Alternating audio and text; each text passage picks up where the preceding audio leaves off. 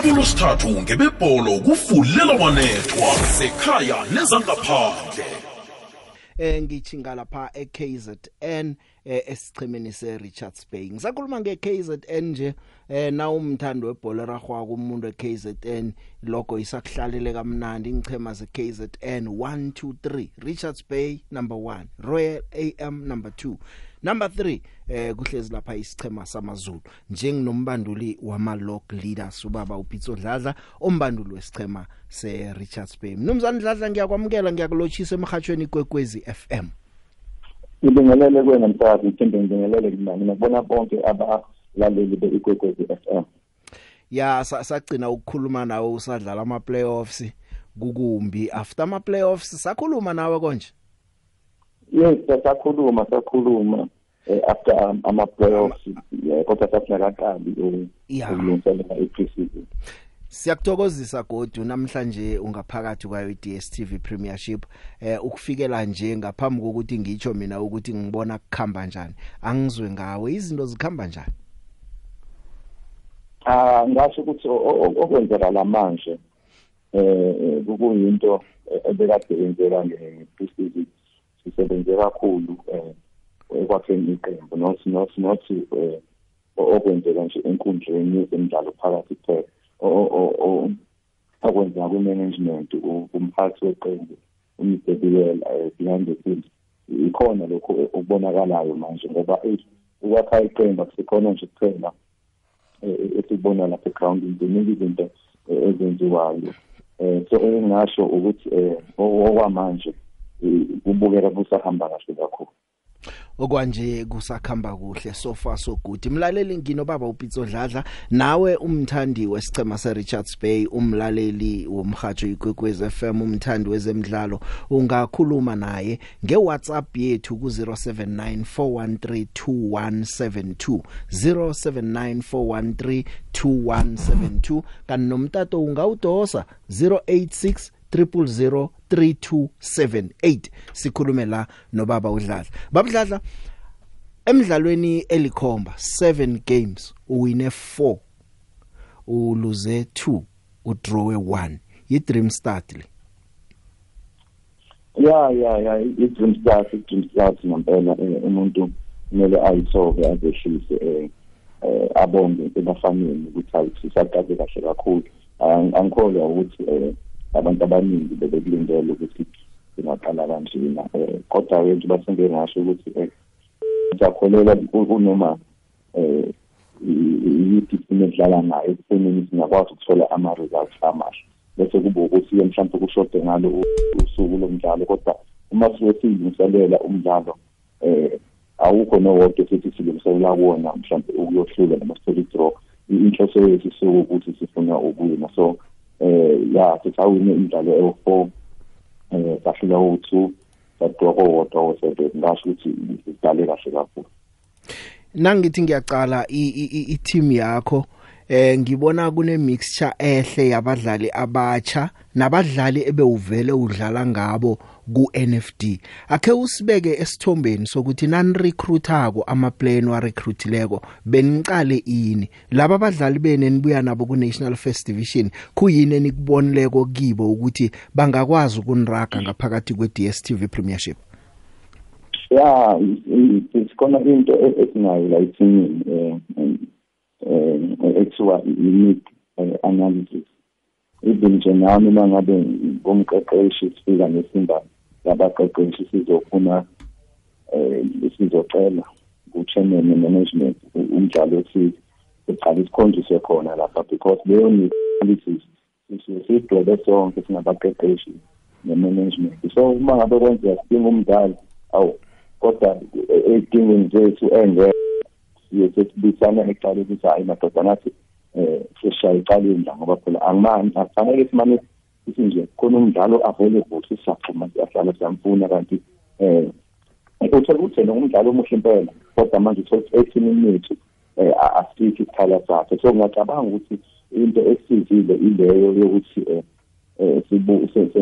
silandele i-need analysis bese kuzothi um enye into esiyenzile sithe aqale sibuke khona la ku-NFD ukuthi la maplayers esiwafonayo akhona yini asezingeni eh angadlala ku-DStv Premiership esingawathatha la uma uzobuka kahle ngithi nabo ofanele banje phuma ama-Ducks nabo eh osiyandamsana phuma ama-Ducks sinabo omdabuka abaphuma ku-Cape Town All-Stars ngibala nje lama-team lawa abekuyiwona abo-number two no-number three bakhona nabanye and uma ngabe ubuka futhi igame yokugcina esibuya kuyona um kulabantu edlale nabo bekukade kuwumsikelelo unyawuza kube uluvuyo memela kube Abel Mabaso abaqhamuka ku-DStv Premiership. Bonke abanye no-goalkeeper bonke eh siphuma ku NSD so ngizama ukucacisa khona lokho ukuthi ama-players siwabethile sawasayini ama-players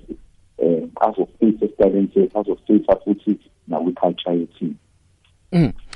ngiyacabanga ukuthi into ekhona nje eh abaphathi besichema mhlawumnye ngiyazi ukuthi kesinye isikhathi ababanduli indaba yemandate anika vama ukuyikhuluma kakhulu kodwa na njengesicheme esitsha esifika ku ngicabanga ukuthi ipriority kini ukuthi ni maintain istatus senu isizini?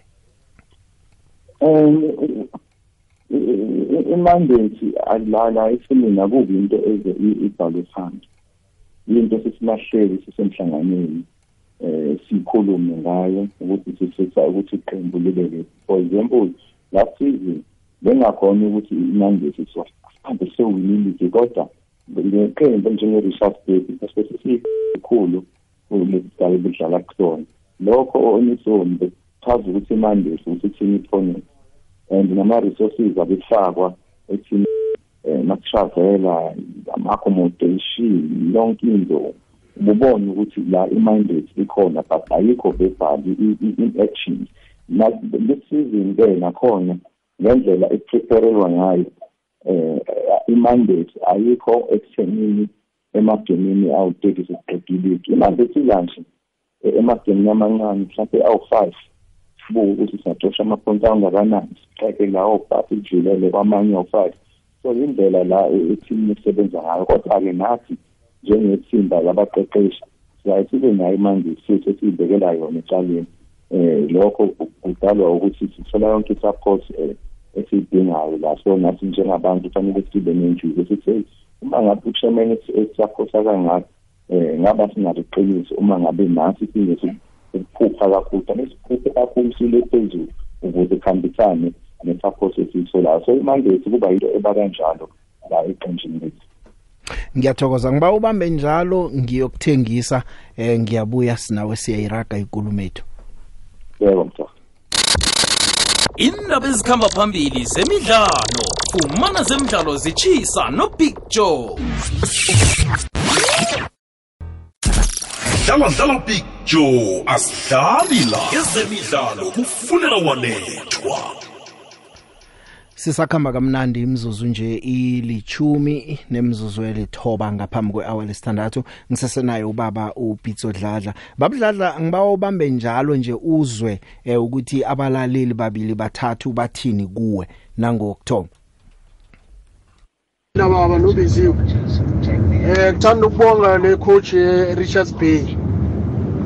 Wazi eyasithoba man. Hayi hayi hayi ayithathela ezinye ichema phansi. Hayi ngiyayibonga. Lespiriti sami sokuyikokobetha awuthi kokobelisha ntate sani akabambe kanjalo. Abambe kanjalo. Uzaziwashaya. Labathi bona bashaya igame eyi-one bese bathi hhayi abasabi lutho. Bazazoshawa hayi lo baba ngiyambonga abambe kanjalo aqhubeke. Ya ngoba vele ngathi i-richards bay thethe isikhathi eside enganayo isichema akayibambe kanjalo mani. Ngiyabonga joe uthebo molo tapiko. Eh umpe ufala bolo wamli transcom makabelini ngimamele lapha ku open view. Eh ngibingele lapho no baba upitso wadlala cha ngimbongela kakhulu umuhle umsebenzi wakhe awenzayo ku-Richards Bay. Ukuhlanganisa experience nabantu abangenayo kwabasiza kakhulu ukuhlanganisa lapha olovi omemela nosekelo lonyawuza izobasiza kakhulu. Eh sengazuthi nje angaqhubeka angasabi lutho angasabi ithima isekho ithima enkulu manje. Manithi khona amathima amakhulu amathima amakhulu ayabhacaza. So acoshe wona lawo mapointi lawo azobe ebhacazwa amathima amakhulu kwi-top four ngiyambona iphela isizini esekuyona yabona Eh the big unjani? Eh ukholutshise ubaba udladla ngapho. Eh nobiziwe. The big eh ubaba udladla nemanagement ngiyabathokozisa ngento bayenzileko nawungakhumbula iHannes Park iyahlala nabadlali bayo. Yadlala kuhle ngaphambi kwe-PSL ithe ukuthoma ukuchuguluka yaba nenkinga i-Swallows first eh yena ibuya ku-NFD yadlala kuhle. Yathoma yatshentsha abadlali abaningi yathenga ama-reject we-PSL nase yaba nenkinga yadlala ama-playoffs. Mina ngithi kuba budladla bangathomi bathenga ama-reject amaningi we-PSL barehe ngesquad ebasiphetheko benza i-mixture encane. Ngiyabathokozisa wena the big ukhuluma nothembo kasifala kwamhlanga. Eh ngiyathokoza.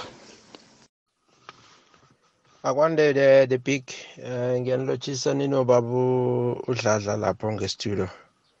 The big ngomunye eh wabalandeli eh engibengibatshela ngithi mina eh i-Richards Bay eh izoba ingozi ngendlela ebengibheke ngakhona ama-signing wabo the big eh most ama-players wabo bawathethe from ku-NFD then lokho kungicacisela ukuthi ba-selected the best players ebazokubethana ngawo ngoba bawabonileko ukuthi lawa ma-player abethako. So ngaloko ngasibona kuyisicheme esizoba yingozi kakhulu. Ngiyamthokozisa ubaba udladla um ngesichema sakhe asibhildileko kuyakhombisa ukuthi um ubumbano ngaphakathi kwesichema likhulukhulu um kwangathi bangayibamba njalo the big um kuze kuyokuphela isizini sizokubona i-competition emdlalweni wethu we-DStv ngiyathokoza the big nguriver ngedenelton babudladla balaleli bethu eh ukhona omnye nje obale ukuzithoba wathi ave uzithobile kwangathi ungaraga njalo. Abanye nje baya compliment njengoba uzwile. Kilokho okuzwileko kukhona ongaphawula kikhona? Hey hey ngihleli la ngi angazi igama engalibeka kahle engalibeka lizwakale kahle ngiba emotional emotional ngempela eh angazi ngaqala ngathi ngibonge eh jobesho umlaleli ukuthi ey ukuyithoba eh iyona nto esihambisa phambili eqenjini. Eh iyona nto ekhombisayo ukuthi eh iqembu akusilona elethu sinabadlali aba aqeqeshi abaphathi kepha iqembu ngelabalandeli. Uma ngabe sizokhohlwa lokho yikho kanye impela lokho kuzosenza siyiphakamise kodwa ngaso sonke isikhathi esikwenzayo uma ngabe sazi ukuthi leli qembu libhilonga kubantu awukwazi-ke ukuyiphakamisa ngento engasiyona yakho. Leqembu elesu sonke uma ngaya nje ngixile kakhulu kukhona. Iqembu elisendaweni sisemhlathuze umhlathuze municipality eh uchasile i-King Churchill district ichasile so konke lokho uma ngabe sigqoke i-uniform yeqembu sisuke sigqoke abantu bonke basemhlathuze abantu bonke base-King Churchill so kubaluleke kakhulu ukuthi siyithobe sihloniphe um sirepresente iqembu ngendlela enhle. So ngiyacela ukubonga nje ukubona bonke asiliphawulile manje ngisho ukuthi ngizizwa ngi-emotional kakhulu um ngiyabonga kakhulu njengeqembu uma ngabe esiwenzayo kubonakala umsebenzi wakho muhle khulu babudladla eh ngikhumbula nakukhamba ubaba usimo achinga lapha kuswalusi. Eh kwaba nokuvusa amehlo ukuthi hey kuyokusala kwenzekani? Wasala usibamba isichema namhlanje usifake ngaphakathi kwe DStv Premiership. Eh ngiyibona mhlapa nje bakulethele uVasili Monosakis ngifuna ukuzwa nje eh i relation nibambisene njani noVasili ukufika kwakhe esichemeni kukusize kangangani? Ah eh kusize kakhulu. Angithi eh kuzomela sithi libe iqiniso sengayisaba ama department onke aqinisiwe management iqinisiwe experience eh abadlali yathi sengibala abanye abadlali baqinisiwe. So bekungaba unfair kakhulu kuthina njengethimba labaqeqeshi ukuthi chairman le-department ethu angayiqinisi. Kodwa-ke okuhle ukuthi eyiqinisa azange um asibeke ecaleni sahlala phansi sonke. Sabuka ukuthi sidinga umqeqeshi onjani nonamaphi amafa. So eh namhlanje ngingasho nje ngisho ukuthi hey sathatha isinqumo esihle kakhulu. Mm. uBasili eh coach coach coach eh coach Basili une experience. Mhlawumbe simkhumbuzo ukuthi ube khona eCape Town City ube khona la ngimazulu uneminyaka u5 ekuyona leli. Kunezinto ngami esisizenza ngisho ngithi sekuba lekho umqeqeshi la usongena ehlathini. Mm. so mm. usiza kakhulu kakhulu kakhulu. Eh zihlukile indlela ekwenzeka ngazo izinto la. Kodwa ungayibuka wona kube ngathi izinto ezincane eh kakhulukazi kudlala imidlalo i-microsoft yala eh sidlala imidlalo nge-weekend sidlala imidlalo phakathi nesonto sidlala nge-weekend and nekhathi la siphuma khona because imidlalo ibo three o'clock three o'clock ma-half past three. La ikhathi ihlukile so zonke lezi zinto sidinga ukuthi uyiprepare ngendlela ehlukile. So iyasiza ngale experience. Nangendlela eqeqeshwa ngayo i-preparation iyashintsha. Iyasisiza kakhulu kusentweni njengalezo. Basi kodwa asikho kule ukuthi umuntu uzosiza. Sithi lento ukuthi we are sharing information i-culture la ethini ukuthi wonke umuntu uyafunda komunye. Akekho omncane akekho omkhulu. Bantu nje kanti sona sonke nje singabaqeqeshi. Kuyezwakala ngaphambi kokuthi ngibuyele ebalalelini kunomlaleli la ngumthembeni mthethwa uthi ngibuze ukuthi imhlathuze sports complex nibuyela nini ukuyokudlala kiyo? Hey siyafisa kakhulu ukuthi sibuyele ngokusheshsha kodwa eh ngicabanga ukuthi mina njengamanje ngizobe nazo impendulo nginembuzo ezofana nayo mfowethu um ngoba nathi nje singabadlali singabaqeqeshi sodlula e-stadium siyabonga ukuthi asithele phela i-stadium station abantu bethu kube lula ukuthi bezosibuka egrawundini eduzane omama bendawo bekwazi ukudayisa uma ngabe njalo um ngicabanga ukuthi njengamanje kuzongixelela kakhulu umlaleli eyi anginayo impendulo eqondile. Ngibambela njalo babudladla ke ngithengise bese nangibuya kusibuyela kumlaleli. Ayithinkinga. Akube nomkhanyo. Lihlelo fulela wanethwa umhatsho igwegweza FM sisaraga ke kesizwe imbono yabalaleli engena njenga nje siphethe indaba ye Royal yesichema ese Richards Bay kokwakho esicede ukubetha i Royal AM izolo. Ah baba Siba nomvezi wakho nabalaleli bonke ngithi ngiyambingelela kanye nomgabadeli lapho ubaba udladla eh mina ngiwumchunu ngiphuma enkandla bese ngithi kumgabadeli ezemidlalo siyayilandela kanti futhi nomoya womuntu sesiwulandele even nenhlonipho yakhe sesiyilandele siyibhekisisa ukuthi umuntu ophethe kanjani ubaba dladla ngimazi kudala angimazi manje ngiyazi nendlela abestaklisha ngayo ehlenyuka. Kodwa awubonga ekubone nanamhlanje futhi ngeke uzubone akuyena umuntu othi noma ekhuluma evula umlomo ekhuluma nalapha emsakazweni kube khona indlamvu ofuna ukuhlaziya noma mhlambe ushifte istage esithize ngesikhathi ekhuluma yena. eh babudladla ngiyakubonga mfuthi ngiyakubongela nomndeni wakho ngiyawubonga usilethela abantu abafana nani e-KZN eh abakwazi ukuthi bawuzimela umdlali la kungaze khona la kungaziwa khona.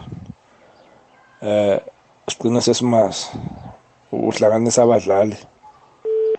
Eh ukhombise futhi ukungesabi. Nangendlela nje othoba ngayo kwamanye amathimu awukhulumi isinobe kanjani ukuthi njengoba ushayelwa le emje sekufanele umise umsila ukhulume ube umuntu ongathinteki. Angisho njalo uhamba vulifu impela ukuthi yena usemkhulu ukudlula abantu bonke. Eh kwaba buhlungu kuhamba ushintsha izandla ekutembelali khona phambilini angifuni ukuvutha amanxeba. Kodwa into eyenziwa ubiyela uJomo. Ngiyayibonga kakhulu ngoba wabona ukuthi uphokophele ekutheni sigcine sineteam enye eh e-KZN ezoncintisana namanye ama-team. Eh ngicela into eyodwa nje umphako kwenginika wona babudladla qhubekani nini obiyela eh abadlali bakhona e-KZN baningi kakhulu. Akudingeki ukuthi nize nihambe niko ko-Gauteng wase-Gauteng niye ko-Pitoli kuphi kuphi nje nifuna abadlali? i-KZN indawo enabadlali indawo eney'tar ngicela nihlanganise iy'tar lezi ezinazo ihlanganisa abadlali abakhona abafusayo baningi abadlali abakhona njengabanye nje bakhona abazowenza amahlali kwamanye ama-team la ngeke ngiwasho. Eh abenza amahlali kini eh niba niba access ngendlela efanele eh nibasayine sibabone bekhona. Eh ngiyabonga dladla inkosi nibusise niqhubeke nephambili. Ngiyabonga Joe babudladla ngamanye amagama akhuthazako nama advice abuya kumchunu bamchunu senkandla eh licego lomhajo nokhona kangenileko lava lesithule sonke simlalele kukhona sikufunda kokuyi eh ay kukhulu. Kukhulu kukhulu abekile umchunu enkandla yena. Mhlawumbe ngingaqale ngibonge ngibonge yena uchairman ngoba konke akushilo. Um ngicabanga ukuthi into esingayibhekisa kuyena uchairman umsebiyona okokuqala sisadlala asize amathemba ukuthi kungenzeka siwine iligi sekusendele eduze. Ngicabanga ukuthi ngiyakhumbula ukuthi wayelekheshile ethi leli qembu umeke laphonesa alidayise elabantu lizohlala la e-Richardson waphinde wathembisa futhi nesabaqeqeshi uzobagcina. Wathembisa futhi neningi labadlali uzobagcina. So zonke lezo zithembisa uma ubuka kahle manje um uyigcinile. Wayesekubeka kithi sikacaca nathina singabaqeqeshi ukuthi angisho kabi um ngikholwa ukuthi nje kubeka kahle kwenza ukusho manje. Ukuthi qala ubuke la eduzane ubuke ekhaya uma ngabe udinga umdlali before uyobuka kude yes badingakala abadlali bakude kodwa um akulula ukuthi ushiye umdlalo enkandla uhambe mhlawumbe uye endaweni ekude ekhona umdlali ongcono lakhona eduzane sesihambelile-ke zonke lezi ndawo la eduzane senze njengoba uchairman esiqinile sinabo abadlali esingabona abanye bekumbuka ku-MDC njengoba uqala ukudlala manje nesibalo se-Boxing eh kodwa lokho akuchazi ukuthi umdlalo oqhamuka ngaphandle uma ngabe enalento esingenayo isidingayo lesize siyithatha so ngicabanga ukuthi okubeke umsebenzini omningi uhambe emazweni ka-chairman kade ethembisile abantu bonkana basekhindletshwayo abantu basezilindi abantu base-KZN Ya eh babudladla sithokoze khulu ukuzithoba kwakho. Eh sekuthi ke isikhathi sona siba nomona kodwa na siyazi ukuthi wena nokho awusi ngomunye wababandule abathi nasibafunako usihlagise isikhathi nasikhona uyatholakala. Ngikulisa nje nginethemba lokuthi eh kungenzeka nje mhlawumnye ngemva kweminye imidlalo mhlawumbe ngaba yi15 16 sibuye sicoce nawe. Kona namhlanje ngithokozile ungathini nje ebalandelini nabathandi besichema eh se Richards Bay eh nabathandi nje bebholo eragwako abanifisela okuhle. Eh ngizoqala mhlawumbe ngabi ikwekwezi FM noma ungazange ngizibani ngibonge ekugcineni noma izinto zihamba kahle ngiyakwazi ukusinthisa angisiwona umsakazo olinda izinto zihambe kahle bese ngibiza labo bantu ngoba nakho mhlawumbe imiphumela ingayihle noma nakho izinto zinakele eh maybe khaya lithi nje ne-Richard State Football Club ngaso sonke isikhathi futhi noma singasahambi kahle eh kobaluleke ukuthi futhi size lana sichaze ngoba sesibonile ukuthi abalandeli abalandeli abaningi FM eh bese ngithembisa abantu abalaleli beqembu-ke abalandeli beqembu ukuthi iqembu esebenza kanzima. Wonke umdlalo esiwudlalayo siwudlalela bona. Ukuthi imiphumela ithini kepha thina makuphela umdlalo sizophuma kulowo mdlalo sibe sazi sidlale ngey'nhliziyo zethu zonke. Iyona nto esibathembisa yona leyo and siyabatshela ukuthi beze ngobuningi babo manje um bezojabula nathi mangabe sidlala bezosupporta. So nje ngiyasho namanje ukuthi ngaphandle kwabalandeli ngabe asikho ndawo badlala indima enkulu kakhulu eqenjini.